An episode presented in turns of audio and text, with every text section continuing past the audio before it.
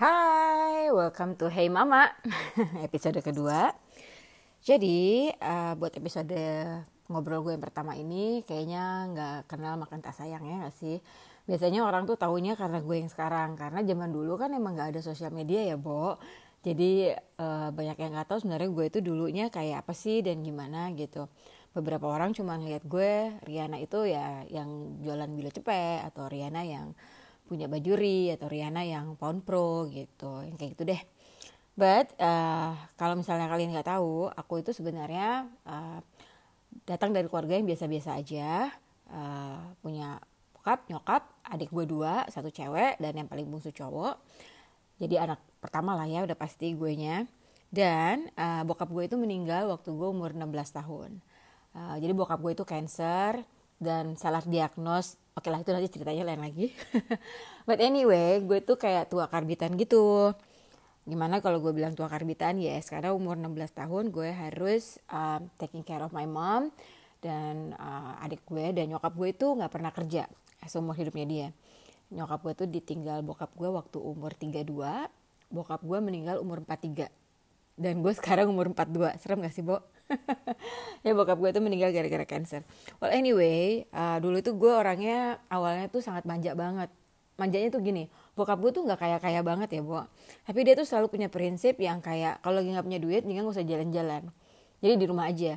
Jadi kalau setiap kali kita pergi, kita tuh nggak pernah merasa kayak kita nggak punya duit gitu. Jadi pasti makan tempat bagus, dan kita harus selalu rapi gitu terus ya boleh kalau mau belanja ya mau beli ya ada gitu karena emang bokap gue tuh punya uh, apa sih namanya kayak uh, prinsip kayak gitu. Nah terus udah gitu karena uh, bokap gue modelnya dan nyokap gue juga bukan model yang kayak gimana banget gitu. Jadi gue tuh melihat bahwa life is so easy, gampang banget gitu. Jadi waktu SD ya sekolahnya masih oke, okay. SMP udah mulai bandel tapi masih oke okay lah gitu karena SMP itu gue udah mulai tahu namanya band sama naik main basket Nah SMA itu lebih males lagi ya gak sih karena kan udah banyak apa namanya uh, keseruan-keseruan lain selain sekolah.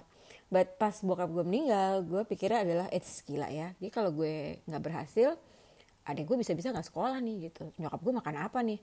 Itu kayaknya turning point gue. Jadi gue kadang-kadang berpikir ya kalau misalnya bokap gue nggak meninggal, mungkin gue nggak kayak Riana yang sekarang kali ya. Mungkin gue akan jadi spoiled brat atau apalah gitu ya nggak sih Bo? Gitu. In my mind ya even my sister say say to me like that dia bilang gitu. Karena um, gue yang dulu itu sama gue yang sekarang emang kayak beda banget gitu Bo gitu.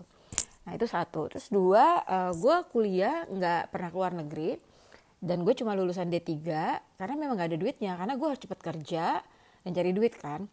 Nah uh, buat yang nggak tahu gue tuh dulu kuliahnya di perhotelan. Perhotelan Sahid dan waktu itu gue minta yang di Pondok Cabe karena emang ada diskon daripada gue kuliahnya di uh, Supomo gitu. Dan karena di Pondok Cabe yang tempatnya jauh banget itu ya by the way rumah nyokap gue itu di Pondok Kopi.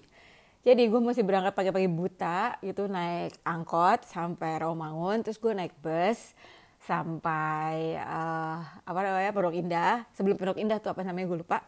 Habis itu gue naik uh, angkot lagi sampai UT Universitas Terbuka. Habis itu gue naik uh, ojek uh, baru sampai kampus. Jadi lo bayang dong kalau misalnya sampai kampus terus dosennya nggak ada pengen lo bunuh kan?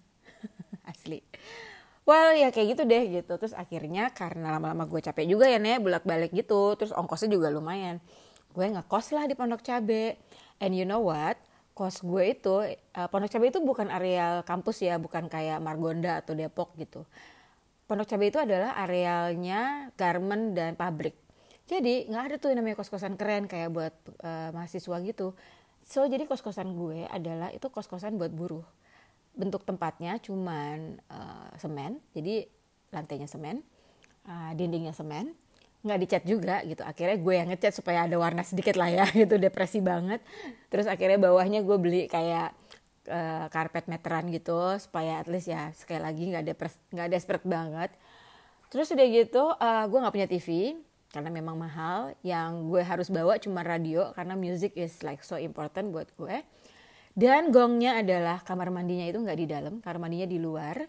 Nggak pakai atap dan gue nimba Bo, asli gue nimba. Kebayang kan? Dan karena gue kuliahnya pakai seragam jadi gue nggak bisa tuh yang namanya weekend pulang ke rumah terus minta orang rumah cuci cuci baju.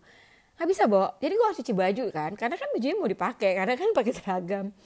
Jadi lo bayangin lah yang namanya ngebilas baju dengan uh, apa uh, nimba ya nek gitu.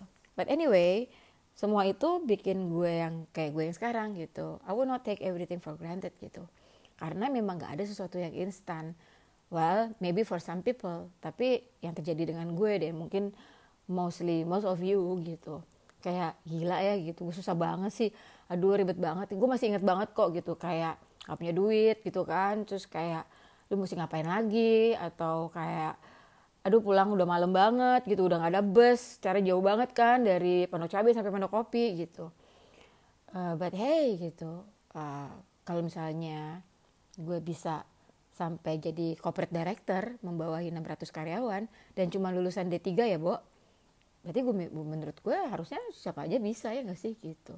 Karena hidup itu uh, pilihan sendiri gitu. Lo mau belok kanan mau belok kiri mau speed 1, speed 2, speed 3 ya is yours gitu. Well itu sedikit aja cerita tentang masa lalu. Nanti kalau misalnya ada di sesi-sesi lain nanti gue terusin lagi betapa gak bisa diemnya gue kalau lagi kuliah.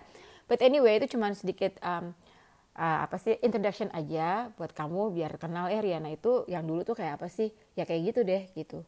Uh, bukan Riana yang sekarang. Kalau misalnya kalian suka lihat gue di Instagram gitu.